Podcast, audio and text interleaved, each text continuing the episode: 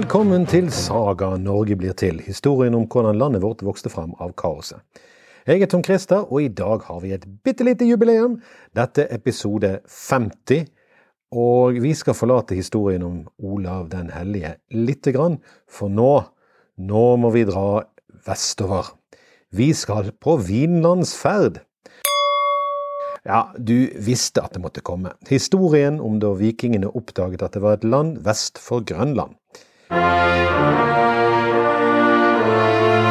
Vi skal egentlig nå tilbake til Olav Tryggvasons tid ifølge sagaen, men så usikker som tidsangivelsen er, så er det all grunn til å ta det med en klype salt. Rundt 960 blir en mann lyst fredløst for flere drap. Dette er altså det egentlig det siste året i Håkon den godes regjeringstid. Denne mannen flytter, flykter til Island sammen med sin sønn Eirik Raude Thorvaldsson. Eirik har nok litt av det samme lynnet som sin far. En dag utløser hans treller et skred over gården til naboen. Ja vel, ja. Utløser et skred over nabogården, sånn helt tilfeldig. Det er ingen forklaring på hva som egentlig har skjedd, og vi vet ikke om det er et snøskred eller et jordras. Naboen blir selvfølgelig litt, um, litt sinna, og han dreper trellene. Det er helt greit, virker det som, men i tråd med farens lynne og islandske ættesagers uendelige rekker med hevndrap, så dreper Eirik sin nabo. Det gir ikke store odds å gjette på at det var planen hele veien, og når raset ikke klarte det, så fikset Eirik et eh, ras sjøl. Der setter imidlertid islendingene grensen. Du kan drepe alle trellene du vil, men det er en synd å drepe en fri bonde. Eirik blir derfor forvist fra dalen, ikke fra Island altså, men fra dalen han bor i og han finner et nytt sted å bo på Island. Der skjer nok en merkelig tildragelse. Eirik låner bort benkestokkene sine til naboen. Ja, nå har Eirik ingenting å sitte på, og han venter litt, og så eh, ber Eirik om å få igjen benkestokkene. Men da nekter naboen. Nei, nei, du har gitt de til meg. Jeg har ikke lånt de, du har gitt de vekk. Men Eirik tar ikke et nei for et nei, og det ender med åpen strid, der to av naboens sønner faller og dør, og flere til. Ikke helt naturlig, og ikke helt unaturlig. Da blir Eirik saksøkt på tinget, og det ender med at han taper. Det er ikke så rart, egentlig, han har drept sønnene. Eh, benkestokkene blir litt uviktige i den sammenheng. Benkestokkene blir der de er, og Eirik blir lyst fredløs som sin far. Han kan ikke bli på Island, han kan ikke reise hjem til Norge. Hva skal han gjøre nå? Jo, Eirik har hørt om et land vest for Island. Han vet at det finnes, for det er en mann som heter Ulv Kråke, som har sett det på sin ferd. Eirik setter ut fra Snøfellsnes og lover å komme tilbake og hente sine venner om han finner landet. For han har faktisk noen venner. Eirik han finner land, og i tidenes markedsføringstrekk kaller han det for Grønland. Neste sommer lokkes 25 skip fra Island, bare 14 av de kommer fram, og dermed blir Grønland bosatt. Eirik velger seg det beste stykket og bygger gården Bratalid. Sønnen Leif den hepne, eller heldige, er med faren. Slik som historien fortelles, drar Leif til Olav Tryggvason i Nidaros og blir døpt, for å få tillatelse til å dra vestover igjen for å oppdage nytt land. Det virker noe mindre sannsynlig, men det som er sannsynlig, er at han dro vestover. Men hvorfor det? Jo, det var to ting Grønland manglet, tre og jern. Det, det er som om vi i dag skulle mangle microchips og plast, bare litt verre. Jern var materialet som ble brukt til å lage våpen og redskap, og nagler til skip. Og skip ble laget av tre. Med andre ord, fikk de ikke tak i dette, var de låst til Grønland. Og de ville ha store problemer med faktisk å få seg mat. Derfor er det ikke så rart at de begynte å leite etter steder der det kunne finnes jern og tre. Å frakte tømmer fra Norge var mildt sagt upraktisk. Jern var enklere, men de måtte ha noe å bytte og betale med. Deres viktigste eksportartikkel var hvalrosstenner. Elfenbein, rett og slett. Det var ettertraktet, men de muslimske erobringene hadde gjort det nesten umulig å få tak i elefantstøttenner fra Afrika og India. Elfenben ble brukt til smykker og spillbrikker og i relieffer. Det var ekstremt ettertraktet hos rikfolk i Europa. Det var kanskje dette elfenbenet som var den egentlige grunnen til at Eirik ville til Grønland. Denne handelen ble så viktig at studier av DNA fra elfenbein, fra gamle elfenbeinsting, viser at fra 1100-tallet og de neste 100 år kom elfenbein omtrent utelukkende fra grønlandske hvalrosser. Men for å få tak i hvalrosser og få skipet ut, i, eh, skipet ut rikdommen, måtte grønlendingene ha tre og jern. Så ut dro de. Det vil si, først seilte de feil. Bjarne Herlofsson het en mann, han drev handel. Hans far dro til Grønland med Eirik. Da Bjarne kom hjem med fullastet skip, hadde faren dratt. Dette syntes Bjarne var store greier at faren hadde dratt av gårde til, Island, til Grønland, så i stedet for å losse skipet sitt, så seilte han etter til Grønland. Men Bjarnes skip kom ut i dårlig vær og tåke, så de kom helt på villspor. Noe skikkelig på villspor. Bjarne beskrev siden at de kom til et land uten fjell, men lave åser og trær. Skal vi gå i land? spurte mannskapet. Nei, dette er ikke Grønland sånn, jeg, sånn jeg har fått, fått det beskrevet. De seilte videre og kom om ikke så lenge til et nytt land, igjen flatt med skogvekst. Var dette Grønland? Nei, sa Bjarne, isbreene mangler.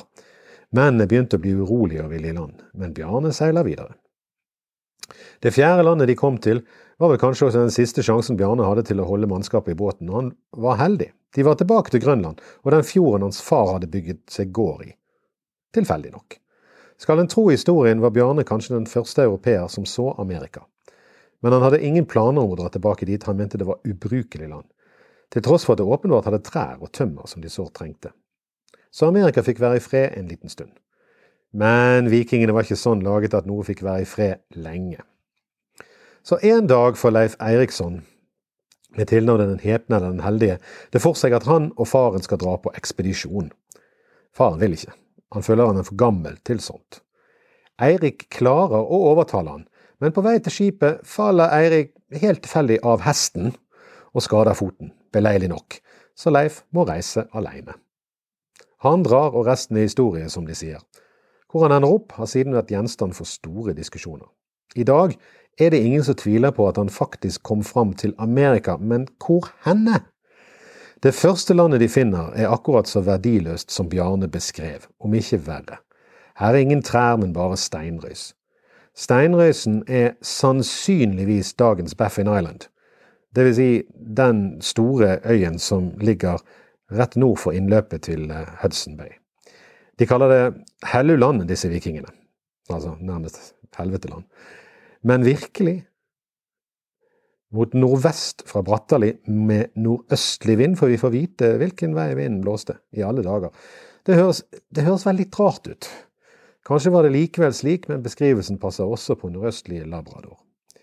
De seiler videre ut i havet og kommer til et lavt land med hvite sandstrender, flatt og skogvokst. De kaller det Markaland. De fleste er enige om at dette må være en sted på Labradorkysten. Men de er ikke fornøyd og seiler videre. Nå kommer de etter hvert til en stor øy og fortsetter inn mot land nord for øyen, der neset stikker ut, og videre langs land mot sør, der de beskriver en stor elv med en svær fjære og masse stor laks. Øyen er mistenkelig lik Newfoundland, og det er jo her på nordspissen av Newfoundland at en vikingbosted er funnet med den berømte brosjen som regnes som bevis for norrøn bosetting på Lance of Meadows. Men Leif seiler altså videre langs fastlandet og finner denne store elven. Det er vel ikke usannsynlig at det er St. Lawrence munning, der Quebec ligger i dag, de har funnet. Her går de i land og begynner å sette opp leir for overvintring. Beskrivelsen som så følger, har vært gjenstand for tolkning i tusener av år. Eh, unnskyld, tusen år. Dag og natt var mer lik, like lange enn på Island og på Grønland. Ved midtvinters sto solen opp ved dagværstid og ned til nons. Denne beskrivelsen kan bety mye, spesielt fordi den egentlige teksten er at solen sto i Eikastad og Dagmålstad. Eikastad og Dagmålstad er litt mer uklart, for sagaene beskriver en øy som ligger nord for fastlandet, og Newfoundland ligger syd for fastlandet, egentlig. Professorene Storm og Gailmyden og andre har forsøkt og alle har kommet til forskjellige resultat. St. Lawrence, Nova Scotia, New York og til og med Chesapeake Bay. Det siste stemmer vel best med vinrankene de oppdaget, og det faktum at det ikke kom frost om vinteren. Men hvem vet? Vi skal ikke gå i detalj, men striden står om hva Eikarstad betyr for noe. Altså hvor solen sto.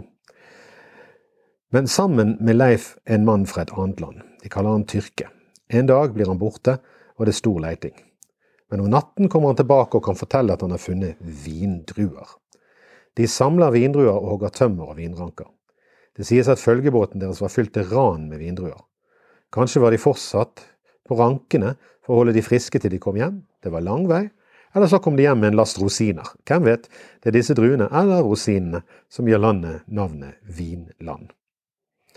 Og noen mener at det var så langt sør som Chesapeake Bay, så er det hvor solen står som gjør at de mener det, men vi vet ikke. Det vi vet, er at de seiler hjem til Grønland med vindruer eller rosiner og godbør. Men like før de kommer til land, ser de en gjeng med folk på et skjær. Leif redder de skipbruddene etter litt samtaler, og det er her Leif får tilnavnet sitt Den hepne. Han kom hjem med stor last og flere folk enn han dro med, og med historier om et nytt og rikt land, så dette var suksess. Leif den hepne. Men lykken renner kanskje ut. De, de han reddet fra skjæret, blir faktisk syke, og selv høvedsmannen fra skjæret, Tore, dør. Samme vinter dør også faren hans, Eirik Raude. Så nå er Leif herre på Brattali. Av en eller annen grunn drar han ikke tilbake til Vinland, men broren hans drar i stedet. Men det er noe som tyder på at Leif har tenkt seg tilbake til Vinland. For når broren spør om han kan overta de stuene Vinland, eh, som Leif har bygd i Vinland, så sier Leif at nei, han kan få låne de, men ikke overta de. Leifs bror drar tilbake og finner stedet der Leif satte opp sine vinterkvarter. Seinere drar de østen for det nordre landet som det sies, og finner etter hvert et sted der Leifs bror Torvald vil sette opp en gård, siden det er så fagert. Men så begynner det å gå galt. De ser tre hauger, som sannsynligvis er tre jordkoier, og ved dem ligger tre skinnbåter med tre menn under hver båt. De tar alle til fange, unntatt én som kommer seg unna i båten sin. Men hva skal de gjøre med disse karene, da? De skjønte jo ikke hva de sa eller noe, så vel, vel, de bare drepte de. Ja, det var konstruktivt og ganske typisk for europeeres fremferd de neste tusen år eller så. Intet nytt under solen. Overraskende nok er de lokale heltene ikke begeistret for drapet, så litt seinere dukker det opp utallige skinnbåter eller kanoer. De skyter piler på nordboene som gjemmer seg på skipet sitt bak skjold. Ingen kommer til skade før de lokale padler bort i en forferdelig fart igjen. Det vil si nesten ingen. Torvald har fått en pil i seg under armen. Det blir hans bane, og han blir den første europeer som gravlegges i Amerika. Men dette var ikke den siste gang grønlendingene dro vestover. Først fortelles det om en Karlsevne som er noe mer diplomatisk anlagt og handlet med skrellingene, som de kaller de som bor i Amerika. Han tar få sjanser og bygger palisader rundt bostedet. De handler skinn med skrellingene og betaler med melkeprodukter. Ost og melk. Men han heller blir ikke lenge. Likevel, han har tydeligvis tatt med seg bufe og setter egentlig opp en gård her, og gjerde og palisader rundt, men det blir også konflikt med skrellingene fordi en av hans menn kommer til å drepe en av dem. Skrellingene er svært interessert i våpnene til vikingene, og da en av dem forsøker å ta et, så blir han drept. Og dermed blir det bråk. Så Karlsaune han drar hjem igjen til slutt, men også han har fått mye rikdommer med seg på veien, og får en god ferd. Og tjener mye penger på den. Eller iallfall så tjener han mye på den. Så reiser Leifs søster Frøydis i følge med to brødre på et annet skip. De avtaler å ha like menn, mange menn med, men Frøydis lurer med fem ekstra. Dermed har hun overtaket. Historien forteller at hun så konstruerer en løgn der hun beskylder de for å ha slått henne da hun vil kjøpe skipet deres. Dette er ikke sant, de har faktisk gått med på å selge skipet men uvisst av hvilken grunn så påstår hun dette. Hun får mannen og mennene hans til å gå til de to brødrene, og fanger de og dreper de, og dreper alle mennene deres. Ingen av mennene vil drepe kvinnene de har med seg, så det gjør Frøydis sjøl. Dette virker helt merkelig, så det er nok mer i dette enn det vi hører her. Andre antyder at det som blir problemet, var at noen menn hadde kvinner med seg, og andre ikke, og det var det som førte til konflikt ved overvintringen i Vinland. Det er kanskje derfor Frøydis dreper de fem kvinnene. Åkkesom, så drar Frøydis hjem til Grønland med både egen last og brødrenes last, og truer med død og fordervelse om noen røper udåden. Men broren blir mistenksom, og faktisk torturerer Leif noen av reisefellene, slik at de forteller hele historien. Hadde ikke Frøydis vært så ond, eller hadde det vært noe jevnere kjønnsfordeling, så hadde kanskje vikingene satt seg mer fast i Vinland. Leif vil ikke gjøre noe med Frøydis, og vikingene var nære på å sette seg fast i Vinland flere ganger, men svik og skrellingenes fiendskap gjorde det vanskelig å eksportere deres levemåte. Men det kunne gått. De hadde bare trengt litt mer folk, og litt mindre svik, og litt mindre behov for å dra hjem igjen hele tiden. Grønland må jammen ha sett annerledes ut den gangen, ettersom de hele tiden ville hjem til Grønland. Men alt tyder på at de besøkte Amerika flere ganger for å finne tømmer og jern. Det siste vi hører fra grønlendingene, er et bryllup ca. 400 år seinere, i 1408. Når tyske handelsreisende om lag 100 år seinere besøker Grønland, finner de ingen, bare et lik av en mann med øksen i hånd. Teorien om hva som har skjedd, har vært mange, fra de kuriøse til de rasistiske til de mer sannsynlige. I boken Kollaps, som på en fascinerende måte går gjennom flere sivilisasjoners undergang, mener forfatteren at det skyldtes et tabu mot å spise fisk. Nå vel. Sagaen er ellers tydelig på at de fortærte fisk i hvert fall når de kom til Vinland. Andre har pekt på klimaendringer, men det er lite som tyder på at det skulle være avgjørende heller. Det virker mer sannsynlig med følgende scenario. De ble etter hvert utkonkurrert av eskimoer og inuitter i jakten på sel, hvalross og hval. Spesielt hvalross var dramatisk. Det var dette som var selve grunnlaget for bosettingen, eksporten av elfenben fra hvalrosstenner. Dermed sluttet etter hvert skipene å seile og å komme, for det var ingenting å handle med. Når da til slutt eskimoer og inuitter nådde bosetningene deres, forteller muntlige overleveringer at de ble nedkjempet. De ble rett og slett kolonisert og etnisk renset vekk. I 400 år dominerte de verden fra Vinland til Island, men så knakk de nakken på hvalrosstenner, og den evige lærepengen teknologisk underlegenhet. Teknologi? Jo, teknologien var kajakk og harpun. Det holdt mot langskip og spyd. Så var de heller aldri mange, bare rundt 2500 på det meste. Men tenk om! Tenk om de hadde tatt med seg en 300-400 mann og kvinner og satt seg fast ved utløpet av Hudsonelven. Den hadde nok da het Leivselv, den store byen der New York ligger i dag. Og kanskje hadde det vært brede råseil som hadde seilt østover i stedet for baljene som Christopher Columbus seilte vestover med. Hvor annerledes hadde ikke verden vært? Men dette ble skrevet ned, og det ble overlevert. All snakk om at europeerne ikke visste om at det fantes noe der vest, er rett og slett tøv. Adam av Bremen skrev om det, og selveste Columbus dro for å undersøke de islandske skriftene. Så fra og med Leif Eirikssons hjemkomst var katten ute av sekken. Der lå et land vest for havet. Verden endte ikke der, og jorden var ikke flat.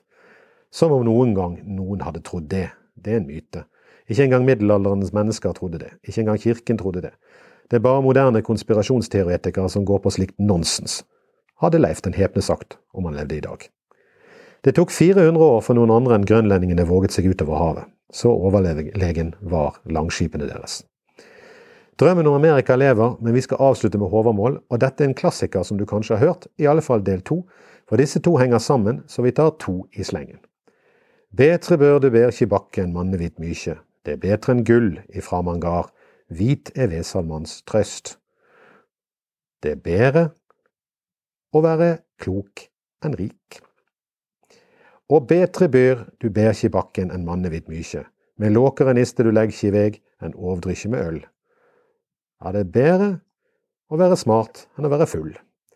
Jeg er Tom Christer, og du har lyttet til Saga Norge blir til, og dette var jubileumsepisode 50 Vinlandsferd. you